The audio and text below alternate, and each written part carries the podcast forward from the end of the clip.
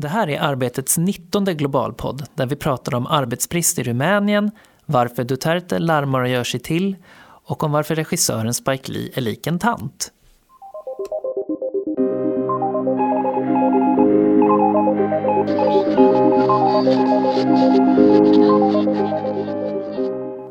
Hej och välkomna till Arbetets globalpodd som är den 19 i ordningen.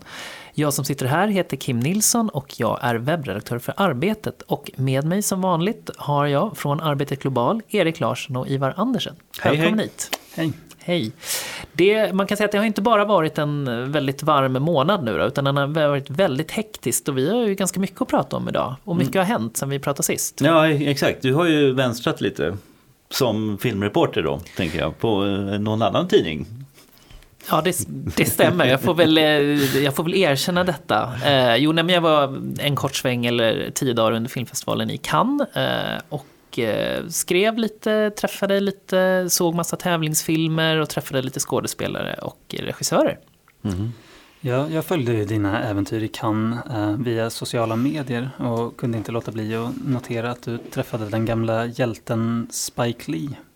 Ja, hur var det? Du måste berätta. Han var, precis som man kunde förvänta sig, otroligt verbal, mycket åsikter, ganska speciell retorik. Liksom. Eh, utan att vara elak så på alla goda sätt så påminde han ju om en liten tant men med en stor guldkedja och keps. Liksom. Men, han var, eh, men han, var, han var väldigt trevlig. Men, men, men han, han, Vi måste utveckla det, en liten tant som är... Ja, han är ju väldigt liten för det första och sen så liksom har han, han, han, har ett sånt, han har ett väldigt härligt skratt men det är nästan ett sånt här skratt som en Ja, men ett sånt här härligt tantskratt, liksom, så hjärtligt och rosslande skratt. Så. Eh, nu gjorde inte jag det, men jag hörde att han hade ju inga problem heller att säga till folk om man inte tyckte att frågorna var speciellt bra. Så, Ja, så okej. det, Men hur var miljön där i Cannes? Man har ju hört mycket, sett alla de här röda mattorna och kändis. Jag skulle kort säga, som jag sagt till många andra, att det påminner om Almedalen men upphöjt i 100 000 eller något sånt där. För ekonomin av förklarliga skäl är ju lite bättre här eftersom det är stora internationella filmbolag med miljardbelopp. Liksom. Men Ja. eh, det påminner lite om liksom, i upplägget om, om Almedalen. Och sen är det ju att, jag menar, kan Kort kan man ju säga att det är ju som en jätteliten bukt bredvid några, några mil från Nice. Nice är ju en mycket roligare stad. Cannes är ju liksom bara en massa dyra hotell och det här festivalpalatset och en strand. Så att det är inte mycket att se kanske. Man, man undrar lite grann, alltså, hur, hur är, eftersom man, vi är ju arbetsskadade, vi håller ju mycket på, på, på så mycket med arbetsfrågor och arbetsmiljö och sådär. Alltså, hur, hur tror du villkor, hur är, verkar villkoren vara för regissörer och skådespelare och sådär? Alltså, det, Ja, alltså det, det är lite, det beror ju lite på vilken typ av filmindustri som finns. I Hollywood har man ju till exempel ganska starka fackförbund, om man nu kan kalla dem för fackförbund. Men de har ju, de har ju bland annat, var ju för nästan tio år sedan så utlöste ju typ manusförfattarna en strejk som stängde ner hela Hollywood. Så att jag menar, de har ju uppenbarligen, sen kan man väl kanske säga att det inte är så mycket arbetarfackliga frågor, men de, de håller varandra ganska bra om ryggen, framförallt i USA. Eh, vilket är lite Europa ironiskt. då, så. Inte riktigt kanske. Så jag tror att i Sverige finns det väl ändå liksom avtal och liknande. Jag ska inte uttala mig för mycket om det här, men ja, det är väl inte... Det är...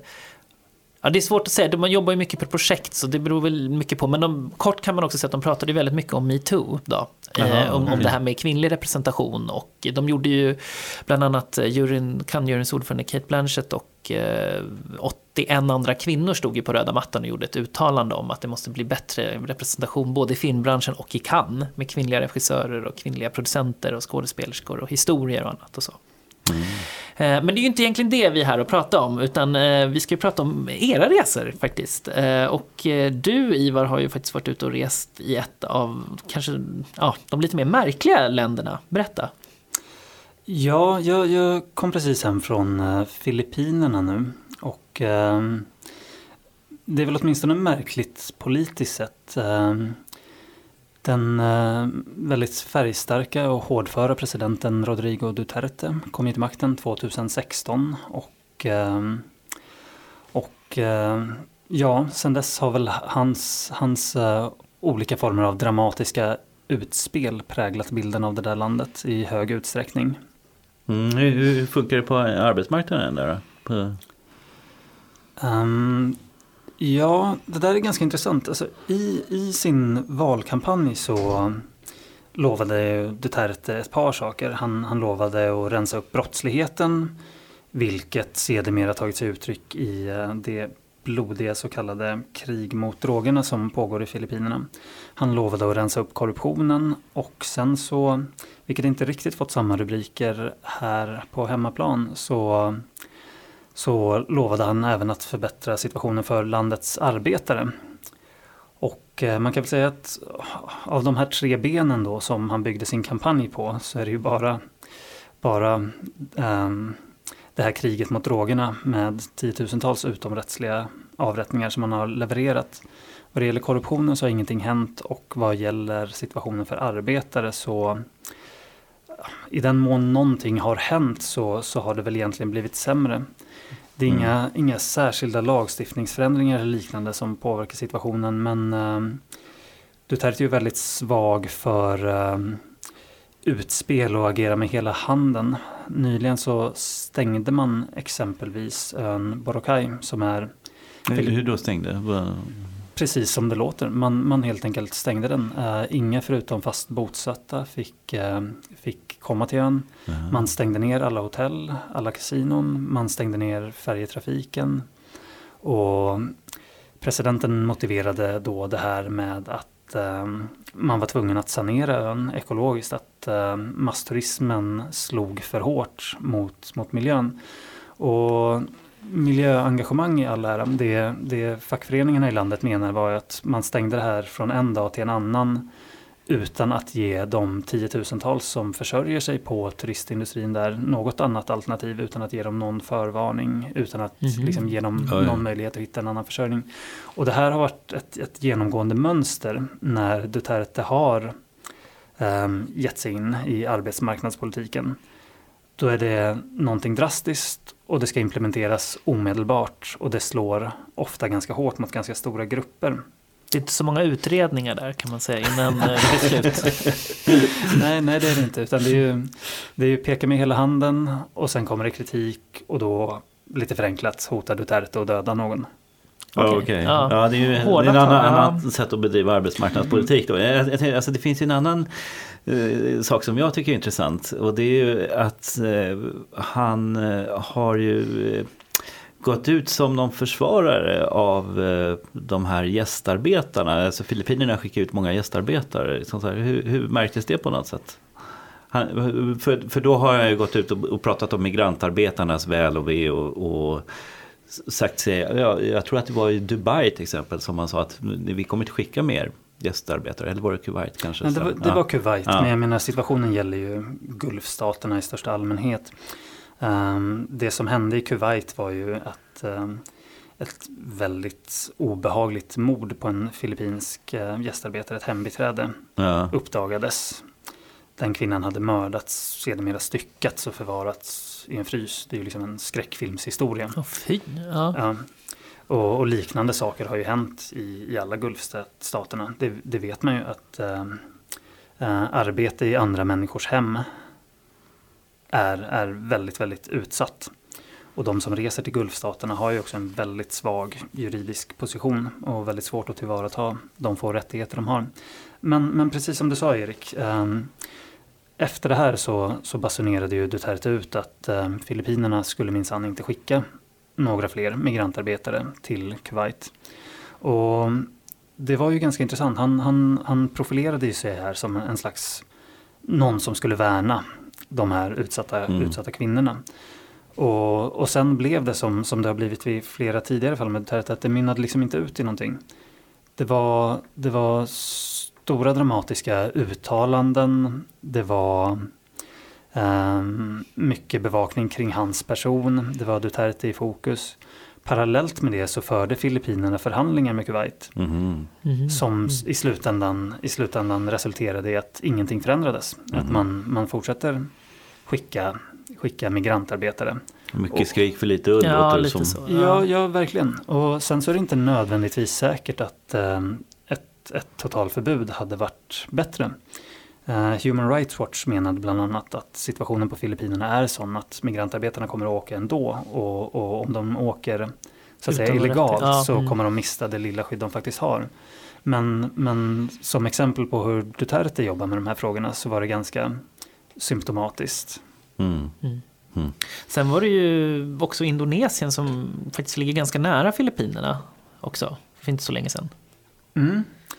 Det var jag. Eh, Jag tänkte inte avslöja för mycket om det, för jag håller på att arbeta med det materialet. Men, men väldigt kortfattat så, så fick jag tillfälle att besöka en eh, svavelgruva i en aktiv vulkan som jag velat åka till under väldigt lång tid. Mm.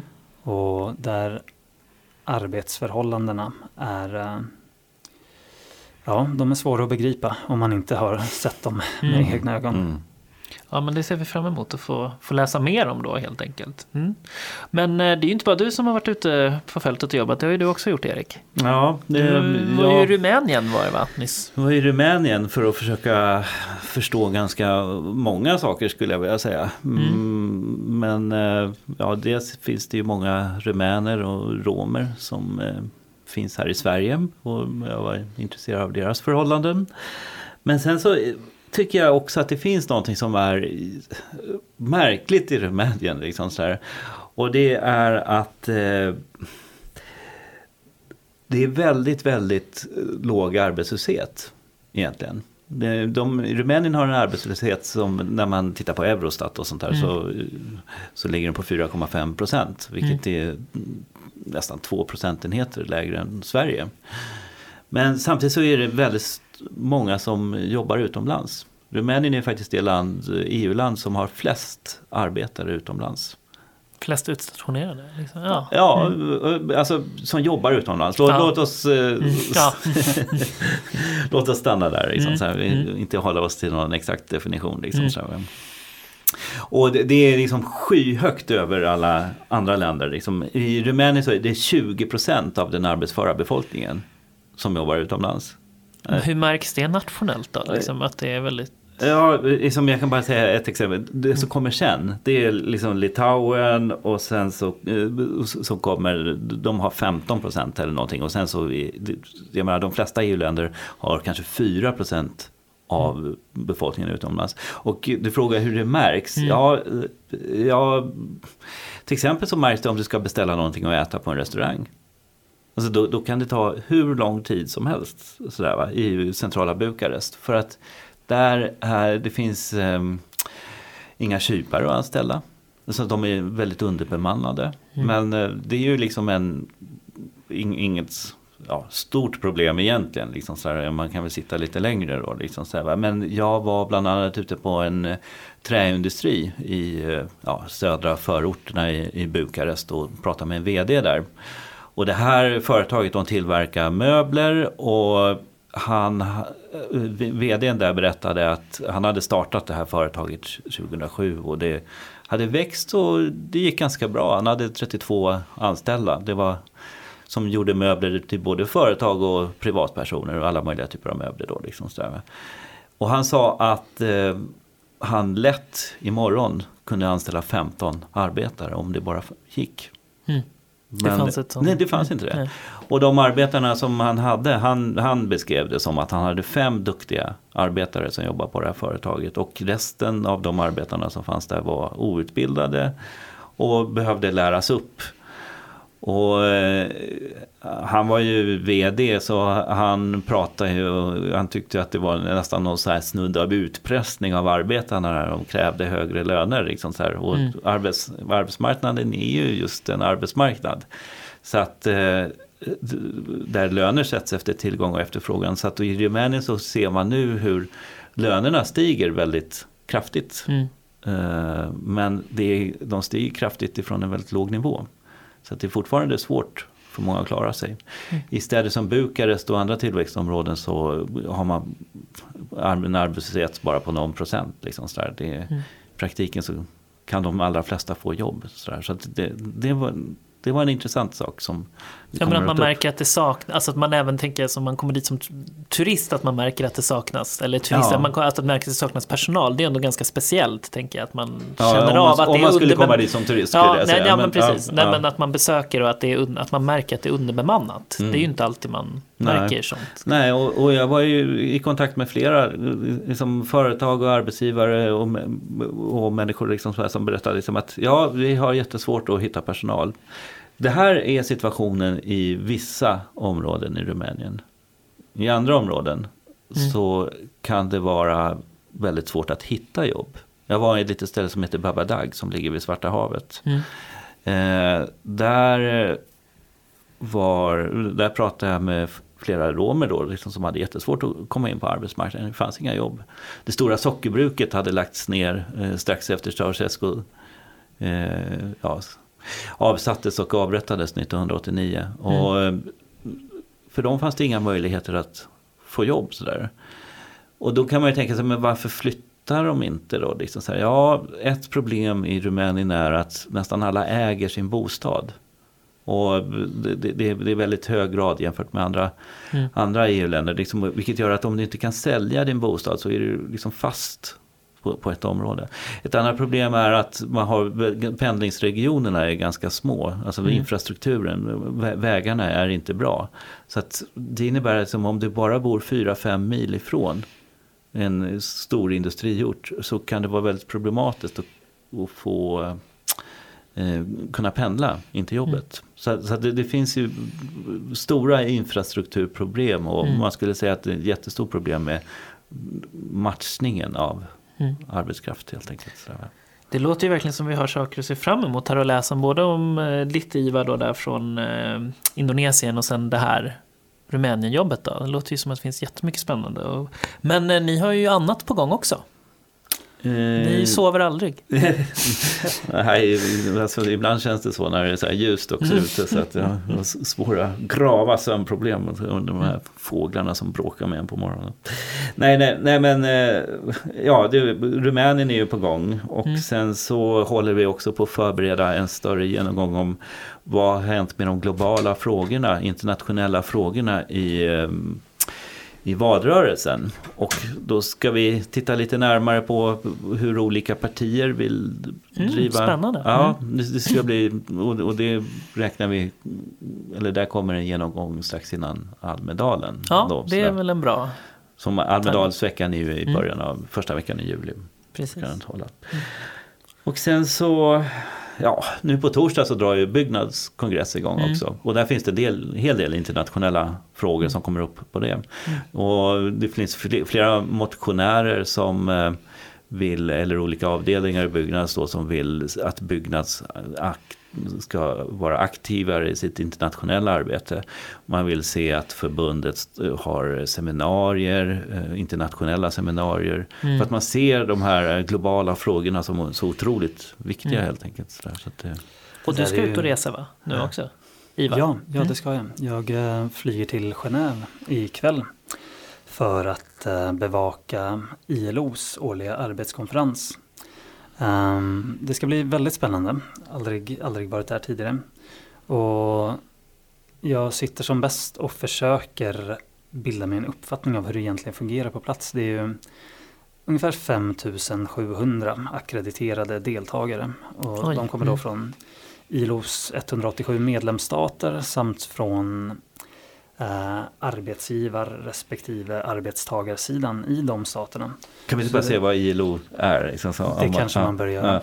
ja. ILO är då internationella arbetsorganisationen som, som är ett FN-organ som hanterar frågor om eh, eh, frågor om arbetsvillkor, om, om arbetsrätt och, och i allt högre utsträckning hur den globala arbetsmarknaden ska, ska organiseras. Det är, en, det är en väldigt spännande organisation och den är ganska unik inom FN också.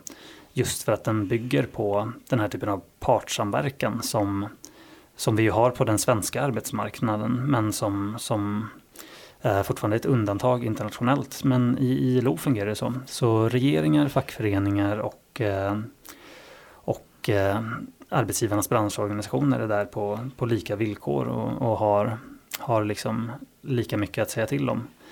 Ehm, så det är, det är den, här, den här kongressen pågår i tre veckor årligen. Oj, ja. Och det är mm. liksom att bara kolla på schemat över, över antalet kommittéer ger, ger lätt yrsel. Det, det ska bli väldigt fascinerande att se hur Ja. det där går till Men funkar det då? Sätter de sina spår i världens arbetsmarknad? då? Det där är ju en fråga som ILO får ehm, ganska ofta. Ja. Och ehm, jag är inte säker på att jag, jag själv kan, kan liksom um, recensera den. Vi får se om jag tycker annorlunda när jag kommer hem. Men, men det man kan säga är att sen ILO instiftades 1919 så har ju i alla fall väldigt mycket hänt. Man har stiftat eh, ett flertal konventioner om, om skydd för arbetskraften. Och även om, som vi såklart vet, eh, läget på många håll i, i världen ser väldigt illa ut så, så har vi så att säga en, en mer eh, Villkoren på, på den globala arbetsmarknaden är, är bättre 2018 än 1919. Okej, okay, och det är tack vare det där också. Så det... Nej, ja. Men vilka, vilka heta frågor är det nu då? Vad, vad är det som är på gång? Uh, finns det någon het fråga? Liksom, så här? Ja, det finns det faktiskt. Ja. Um, ILO firar ju 100-årsjubileum nästa år. Och planen är att fira det med pompa, med ståt och med att anta en ny konvention. Och den här konventionen ska då handla om trakasserier och våld i arbetslivet. Och Vilket festtema. Liksom. Ja, verkligen. Men vi på Global försöker följa, följa tillblivelsen. Och det, det, är en, mm, Spännande. Ja, det är en extrem process att få till stånd en ny konvention. Det är väldigt många viljor som ska enas. Och det är ju liksom inte... Alltså ett ILO-möte är inte som att sitta med exempelvis de nordiska regeringarna och prata arbetsvillkor. Här, prat, här, här pratar man ju med, med liksom diktaturer som ska vara beredda mm. att förbinda sig ja. till samma saker. Ja. Um, det är liksom lite på klimatavtalets ja, nivå ja. kan man ju säga. När man ska få jämka ihop. Ja. Mm. Med Trump. Men mm, fast med det Trump. var inte han. Nej, det var inte han Trump då. Nej. Mm. Ja, men det blir spännande. Vi ser fram emot rapportering därifrån. Och sen så är det ju faktiskt så att fotbolls-VM är ju på, på G och mm. rullar igång här. Kommer ni ha något om det eller? Ja, vi har, vi har en plan. Ni har en plan? En grön plan eller? Grön plan. Ja. Ja, har ni ett mål också? Ehm, göteborgaren är det jag har vaknat mm. Kim. Ja, alltså vi, vi har en plan för det och jag kan inte säga riktigt vad, vad yes. vi kommer att skriva om just mm. nu. Men, Men man kan, om man håller utkik på arbetet globalt så kommer man ja. märka någonting i alla fall. Mm. mm. Och då vill vi såklart veta, hur går det för Sverige tror ni? Ja, alltså det var ju rätt person att fråga. Kan vi inte ta det? Eh, nej, nej men alltså, jag har ingen aning. Jag, jag är... Går de vidare från gruppspelet? Ja, ja, ja man, man, ska väl tycka det. Ja, jag, jag, tror att Brasilien kommer att vinna alltihop. Eller så kommer ja. Spanien att vinna. Eller så kommer Belgien att vinna. Eller något där, men mm. vad Sverige? Nej, ja, ja, men det är klart de går vidare. Ja. ja, men jag tror faktiskt också att det vi finns en chans. Jag säger kvartsfinal. Liksom. trovärdighet, trovärdighet. Ja, men jag tror nog Sverige går vidare. Alltså, det brukar alltid, Sverige har hamnat i en väldigt tuff grupp vad jag förstår. Eh, vad är det? Tyskland, Mexiko och Sydkorea. Men oftast brukar det vara så att Sverige presterar ju alltid som bäst när, när de har sämst förutsättningar. Så att jag tänker mig att de kanske kan lyckas kravla sig vidare till åttondelsfinal faktiskt. Vad tror du Eva? Um, jag tror att uh, varken de svenska spelarna eller ledarna kommer att säga någonting om arbetsvillkoren för de migrantarbetare som byggde arenorna. Eller det om tror den inte jag, allmänna nej. situationen för mm. fri och rättigheter i Ryssland. Jag vet att det liksom är ganska tråkigt och förutsägbart tips, men å andra sidan så är det, det är ganska säkert. Liksom. Det kommer mm. nästan garanterat att slå in. Du, du håller alltid på safe här. Liksom, så här. jag vet. ja, ja. Men eh, då tackar vi för oss tror jag och så får, när, när vi kommer tillbaka nästa gång så kanske ni kan berätta lite mer om, ja, eller då kanske det är uppenbart vad ni har gjort för någonting om ja, precis. Vi kanske var lite för hemlighetsfulla nu. Jag vet ja, nej, men det är bra. Man ska ja. hålla intresset vid liv. Mm. Men då tackar vi för oss och på åter, återseende eller återhörande kanske man ska säga. Ja, mm. tack. Hej då. Tack.